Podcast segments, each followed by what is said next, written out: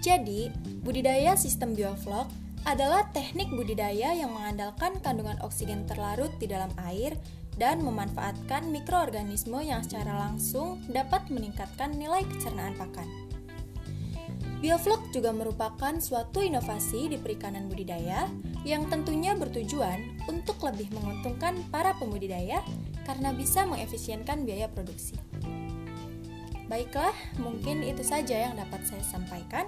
Sebelumnya, saya mengucapkan terima kasih kepada Hits People semua yang sudah berpartisipasi mendengarkan podcast ini. Semoga informasi yang saya berikan dapat bermanfaat untuk Hits People semuanya ya. Akhir kata, saya ucapkan terima kasih dan mohon maaf apabila ada kesalahan dalam kata-kata yang saya ucapkan. Saya Laras Gena Intan Oktaviani, pamit undur diri, sampai bertemu di episode berikutnya. Ingat ya, Laksamana hebat lahir di laut yang berbadai, bukan ombak nan tenang. Jadi untuk hits people semuanya, tetap semangat ya menjalani hari-harinya di tengah pandemi ini. Bye-bye!